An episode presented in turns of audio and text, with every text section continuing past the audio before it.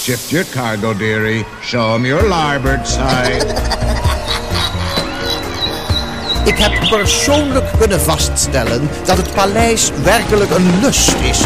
Final arrangements may be made at the end of the tour. Het is weer ochtend in Pretparkland.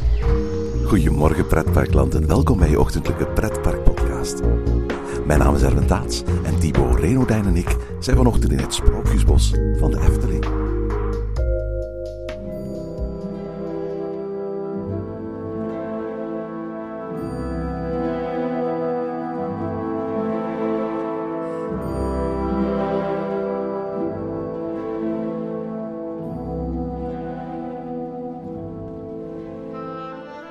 Zaterdag 31 mei 1952 opende het hart van de Efteling. Het Sprookjesbos, een door Anton Pieck en Peter Reinders ontworpen oase van groen. Waar tussen de bomen de vijf torens van het kasteel van Doornroosje priemen. Waar de wolf op jonge, roodgekapte meisjes en op onschuldige ganzenbordende geitjes uit is. En waar elk kwartier de oneerlijke klechtslimme toon de bel luidt van de magische klok. Hier verwarmt een eenzaam klein kind zich aan de gloed van zwavelstokjes. Hier woont diep in de put vrouw Holle. Hier dansen betoverde elfjes in Indische waterlelies de nacht door. Het Sprookjesbos is sinds de opening in 1952 steeds groter geworden. Wat begon met tien uitbeeldingen is nu een lijvig, levend boek om door te wandelen, met bijna 30 sprookjes. In Ochtend in Pretparkland trekken we al enige seizoenen naar het Sprookjesbos om er telkens één van dichterbij te bekijken. En vanochtend staan Thibaut en ik stil bij de kleine zeemeermin. Een sprookjesfiguur die in de geschiedenis van de Efteling al als scène in de Efteling Sprookjesshow, als musical op de planken van het Efteling Theater en zelfs al als standbeeld op het parkeerterrein van de Efteling terug te vinden was. Maar in deze aflevering blikken we vooral terug op de geschiedenis van de uitbeelding zoals die op dit moment in het Sprookjesbos van de Efteling te vinden is. Goedemorgen Thibaut. Goedemorgen, Erwin. We gaan het vandaag hebben over de kleine zeemeermin in de Efteling. Het is niet de enige meermin in dit park, hè? Nee, nee, er zijn uh, eigenlijk best wel veel zeemeerminnen te vinden in uh, de Efteling. Ja, het is meer zeemeermeer dan zeemeermin eigenlijk, hè? ja, inderdaad. Ja. Is dit je favoriete uh, meermin in het park? Of, of um, goh, ik vind het eigenlijk best een, een, een, leuke uitbeelding. Het is ook een klassieker wel, het sprookje. Eigenlijk vrij bekend toch wel.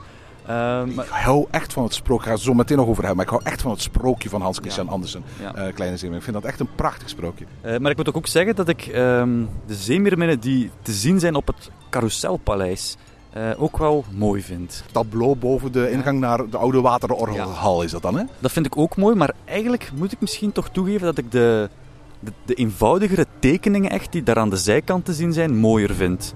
Die zijn, dat zijn zeemeerminnen die op de golven liggen. En, of er is ook een vis afgebeeld, maar dat zijn eigenlijk heel eenvoudige piekse tekeningen die eigenlijk een zeemeermin weergeven op een heel eenvoudige manier, maar die ik heel erg mooi vind. Dat carouselpaleis, we hebben er al eens een aflevering over gemaakt, maar het carouselpaleis is eigenlijk een, een schat aan Efteling kunst. En je, je, je hebt de neiging van daar soms heel snel aan voorbij te lopen. Hè? Ja, het zit zo'n beetje verborgen zo. Je ziet de buitenkant wel, maar wat zich daar binnenin bevindt is zo, ja, het is vrij verborgen wel. Ja, en maar wat ik daarnet ook al zei, uh, waar veel mensen waarschijnlijk al, al, al uh, honderden keer aan, aan voorbij gewandeld zijn, maar niet op gelet hebben, boven de, de ingang tot het oude waterorgelfoyer uh, hangt eigenlijk ja, die andere grote naakte zeemeermin met vis. Hè? Want het is een de gelijkaardige uitbeelding als een sprookje waar we hier in het Sprookjesbos voor staan. volledig in kleur uitgevoerd. ik vermoed ook van Anton Pieck. ben ik niet helemaal zeker, maar ik vermoed ja. ook dat het een, een oorspronkelijk ontwerp van Pieck ja, is. Dat lijkt me logisch, ja, aangezien het carouselpaleis van Pieck is. Ja. En uiteraard heb je ook nog de Meermin, het, het uh, horecapuntje met uh, visspecialiteiten in uh, Ruigrijk. Ja. ja, inderdaad. Ruigrijk heeft over het algemeen wel een vrij nautisch thema. Uh, we hebben inderdaad daar de Meermin met die, met die visspecialiteiten. En uh, vlak daarbij, bij uh, de Game Gallery, hè, die uh, ja, een aantal jaar geleden die grote refurbishment heeft gekregen, um, is er ook een, een, tentje te vinden dat Verleiding heet. En dat is eigenlijk ook een verwijzing naar zeemeerminnen. Ja, hij heeft ook uiteraard zijn zeemeerminnen in zijn logo staan. Hè? Ja, en ja, verwijst dan eigenlijk naar de zang van de sirenes eigenlijk om de zeelieden te verleiden eigenlijk. Hè, ja, de verleiding. En in ons geval eh, verleiden met, met uh, jellybeans. Ja, ja daar, daar uh, maken wij gretig gebruik van. maar goed, we gaan het vandaag hebben over, over, over deze uitbeelding van het sprookje van Hans Christian Andersen. Ik ben nooit fan geweest van de, van de Disney-film. de liedjes zijn wel tof en, en, en de uitbeelding en, en Sebastian en, en Ariel zijn wel tof gedaan. Maar, maar Disney heeft het intrieste sprookje van Hans Christian Andersen eigenlijk opgelucht door er een happy ending rond te maken. Ja. Oorspronkelijk, in het oorspronkelijke verhaal is het zo dat de kleine zeemermin helemaal niet huwt met haar prins. Ze ontdekt dat haar prins eigenlijk verliefd is geworden op iemand anders. Haar vader en haar zussen verschijnen op een bepaald moment aan, het oppervlakte van, aan de oppervlakte van de zee en zeggen van... Kijk, we hebben hier een dolk. Als je die dolk nu in het hart stopt van die, van, van, van, van die prins, uh, dan worden jouw uh, mensenbenen terug een zeestaart. Ja. En dan kun je eigenlijk terug bij ons de zee in. En uh, de zeemermin wandelt de kamer binnen waar ze de prins met zijn geliefde, die niet zijzelf is, maar iemand anders ziet liggen, arm in arm. En ze vindt die liefde zo mooi dat ze zegt van ik kan dat geluk niet doorbreken. En, en ze gooit die dolk gewoon in het water. En ze voelt langzaam maar zeker hoe ze oplost, hoe ze verdwijnt. En Hans Christian Andersen zegt dan heel mooi van... Je hebt al eens aan, op de zee de golven gezien. En hoe de topjes van de golven, dat, hoe dat schuim is. Wel, dat schuim, dat, dat is die zeemeermin. Die, uh, dat schuim is vergaan nadat ze haar geliefde prins niet wilde doden. Uit respect voor de liefde die hij had voor die andere vrouw. En ik snap ergens wel dat Disney ervoor gekozen heeft om dat niet op die manier uit te beelden. Maar ik heb het altijd een heel mooi sprookje gevonden. Ja, absoluut. En misschien moeten we even teruggrijpen naar het, naar het begin van het sprookje. Want je zei daarnet, ze wandelt de kamer binnen. Maar het was dus oorspronkelijk dus wel een zeemeermin. En ze heeft dus, om bij haar prins te kunnen zijn, is ze te raden gegaan bij een uh, boosaardige zeeheks. In de Disney-versie dan Ursula. Hè. Um, en die heeft eigenlijk in ruil voor de stem van de kleine zeemeermin... Klopt. gaf die haar benen om bij haar prins te kunnen zijn. Maar uiteindelijk blijkt het dan... Uh, dat alles toch niet waar te zijn. Hè? Of in elk geval, uh, dat vond de zeemeermin. De uitbeelding hier in de Efteling is, uh, laten we zeggen, rudimentair. Maar is, is, is dat een juiste beschrijving? Ja, de, de uitbeelding is inderdaad uh, vrij eenvoudig. Hè? Ja, uh, we zien de kleine zeemermin in een vijvertje op een rotspartij rusten um, met een grote vis onder haar arm. Ze is naakt, hè. ze heeft een, een, een bloot bovenlijf en dat zorgt er toch wel voor dat die uitbeelding hier telkens wel weer wat aandacht krijgt. Ja, inderdaad. Zeker bij, bij, bij tienerjongens of zoiets, als ze hier in het park komen, dan uh, uh, is dat uh, waarschijnlijk een van de dingen die hen dat sprookje net gemiddeld iets langer laat bekijken dan veel ja, andere sprookjes. Tenzij, tenzij in de winterefteling natuurlijk. Inderdaad, dat, ja. En een soort, ja, wat is dat, een bovenstukje, een corset bijna van, van ijs en ijspegels aankrijgt. Ja, inderdaad. Ja. Nu, het, het, het is een van de weinige sprookjes in de Efteling zonder bewegend element. Uh, en nu zou je het stromend water en de, mm -hmm. de, de, de, de, fonteintjes, de twee fonteintjes die, die voor haar staan, toch kunnen zeggen van dat, dat, is, iets, dat is iets bewegend. Maar uh, je hebt de papegaai die niet beweegt, daar hebben we het alles over gehad. Je hebt uh, de zeemermin die, die niet beweegt. En dan, dan hebben we het ongeveer zo, hè? Ik denk het, ja. Dat maakt het sprookje ook zo hè, rudimentair, zoals je zei. Um, maar ik vind dat daar toch op, op een of andere manier leven in zit. Want die zeemeermin, het is geen standbeeld van een zeemeermin. Hè. Ze ziet er wel uit alsof... Precies ze... zoals een, het, het standbeeld in, in, in Kopenhagen bijvoorbeeld. Hè? Nee, vind ik niet. Nee, nee, ze ziet eruit. Ze heeft een menselijke huid. Ze heeft een vissenstaart. Ze heeft ook een vis vast.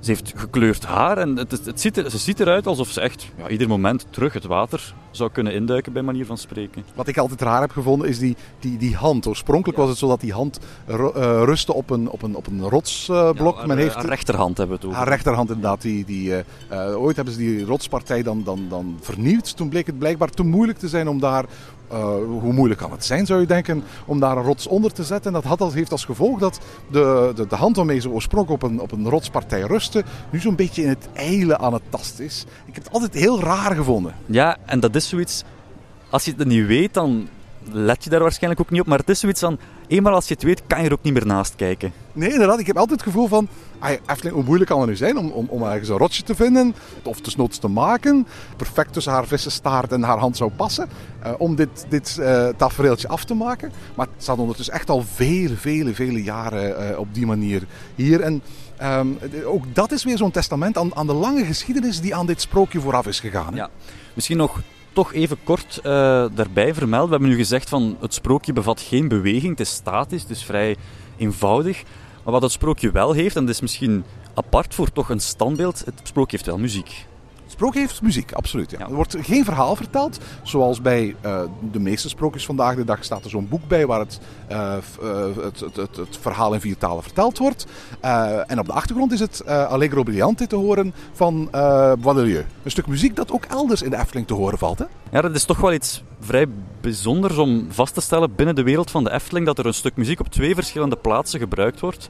Ja, we vinden dit harpconcert ook terug bij Gondoletta in uh, Reizenrijk. Ja, oorspronkelijk een ideetje van, van, van eh, eh, Lex Lemmens. Nadat de gondoletta al geopend was. En ik zeg nu wel de gondoletta, want het is eigenlijk amper de gondoletta. Het is gewoon dat, bij dat eilandje met die watervallen dat het speelt. Want voor de rest van het circuit hoor je vooral de, de parkmuziek die de langs, langs, langs de paden gespeeld wordt. Eh, een ideetje van Lex Lemmens op een zomeravond dat hij hier was, vond van hier past wel een muziekje bij. En toen heeft hij dat muziekje daar, daar, daar geïnstalleerd. Het is mij nooit 100% duidelijk geweest of, of het muziekje al eerder hier aanwezig was. Dus als het eerst bij de Zeemermin was en dat hij daarna gezegd heeft van... Uh, oh, dat is wel een mooi muziekje om ook te gebruiken bij de gondoletta. Of dat zo is dat pas nadat in 1981 de gondoletta geopend werd en dat muziekje aan toegevoegd werd door, door Lex Lemmens. Men gedacht heeft van, oh, het zou wel een leuk idee zijn om dat muziekje ook hier te gebruiken. Maar, maar het is inderdaad opvallend, hè? Ja, en ik het is opvallend en ik vind het eigenlijk ook wel passend hier. Je hebt zo die, die zachte, dromerige harpklanken, die tegelijkertijd vind ik ook wel vrij sierlijk zijn. En die passen eigenlijk wel, vind ik, bij die zeemeermin, die daar ook met een sierlijke staart uh, op die rotspartij zit. Ik vind het eigenlijk wel een, ja, een, een, goede, goede toevoeging.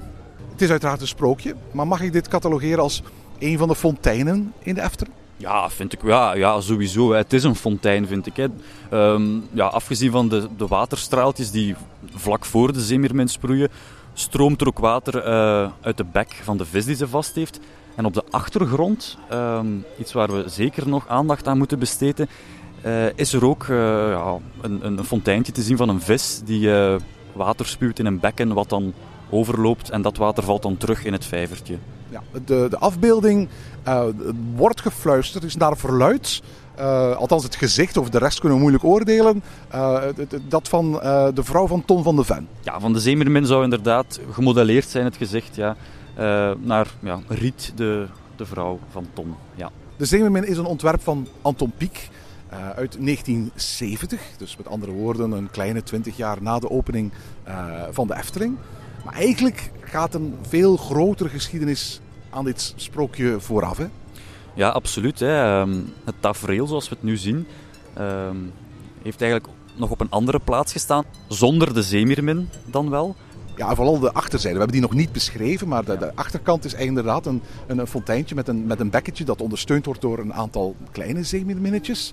En, en, helemaal bovenaan het tableau pronkt dan een Cupido-beeldje. Ja, inderdaad. En Cupido brengt ons eigenlijk helemaal bij het begin uh, van de geschiedenis van dat, uh, dat tafereeltje. Hè. Um, vroeger, in 1954, stond dat fonteintje met dus die vis en die, die zeemeerminnetjes en die Cupido op de plek waar nu um, de EHBO-post is in Maren. Ja, in elk geval de, de, de, ja. de, laan die daar eigenlijk naar de dubbele laan liep, langs het, uh, waar nu het Carouselpaleis uh, zou zijn. En daar, daar, daar was het voor alle duidelijkheid niet zomaar een fontein, het was de liefdesbron, magische liefdesbron werd het toen genoemd.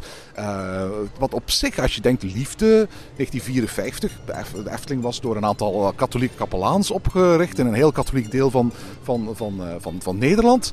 Dat moet op zich wel opzienbarend geweest zijn, want, want het was eigenlijk een soort van love tester eigenlijk, hè? Ja, inderdaad. En je zegt liefde, dat dat al een, een riskant thema is, maar het gaat verder dan dat. Hè. Um, er konden dus twee geliefden voor de fontein plaatsnemen en dan moesten ze hun handen vasthouden. En dan bij dat ritueel zouden ze eigenlijk een, een soort kruk of een hendel uh, indrukken. En dan zou het water wat uit die fontein komt, verschillende uh, tinten van rood of roze kleuren. En naarmate het water donkerder was qua rood, des te sterker zou de liefde zijn. Ja, voor alle duidelijkheid, het was de waterstraal die uit die, die vis tevoorschijn kwam, uit de bek van de vis tevoorschijn kwam en in dat waterbek opgevangen werd, die van kleur veranderde en die 50 tinten rood kreeg. Ja, inderdaad. Ja, daar kwam het eigenlijk op neer. Hè. Zo konden geliefden die naar de Efteling kwamen, eh, de sterkte van hun liefde testen bij, eh, ja, bij die fontein. Toch wel allee, een vrij ja, opvallende eh, een vrij opvallend iets binnen inderdaad, het katholieke verleden van de Efteling. Ja, maar los daarvan hè, vind ik het ergens wel binnen dat romantische gegeven dat de Efteling was passen. Het werkte niet goed. Ja. De een of andere reden zat er heel vaak technische problemen in, waardoor het water helemaal niet zo rood kleurde als zou moeten. eh, waardoor wellicht behoorlijk wat geliefden teleurgesteld waren in het, in het, in het resultaat. En wellicht zorgt het ook voor nogal wat onderhoudsproblemen. Want ik kan mij voorstellen dat als je allemaal rood pigment gaat mengen met water, dat na een tijdje zowel de achterkant als dat waterbekken, als dat water zelf in allerlei mogelijke vieze kleuren van rood gaat veranderen. Ja, ja, tuurlijk. En het moeilijkste lijkt me dan ook om daar die schakeringen nog in te maken. Van, je kan niet iedereen dezelfde kleur rood geven als je je concept wil laten, laten blijven gelden. Hè. Maar inderdaad, is wat je zegt, het is een heel romantisch gegeven.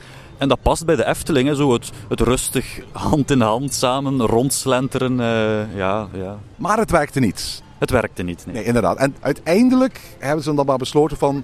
we gaan die liefdesbron weghalen. Ik zeg het nu eventjes, dat is eigenlijk zo'n beetje de, de officiële verklaring die de Efteling geeft. Er is een verhaal- variatie van dat verhaal dat zegt van... dat de kapelanen die in het stichtingsbestuur zaten...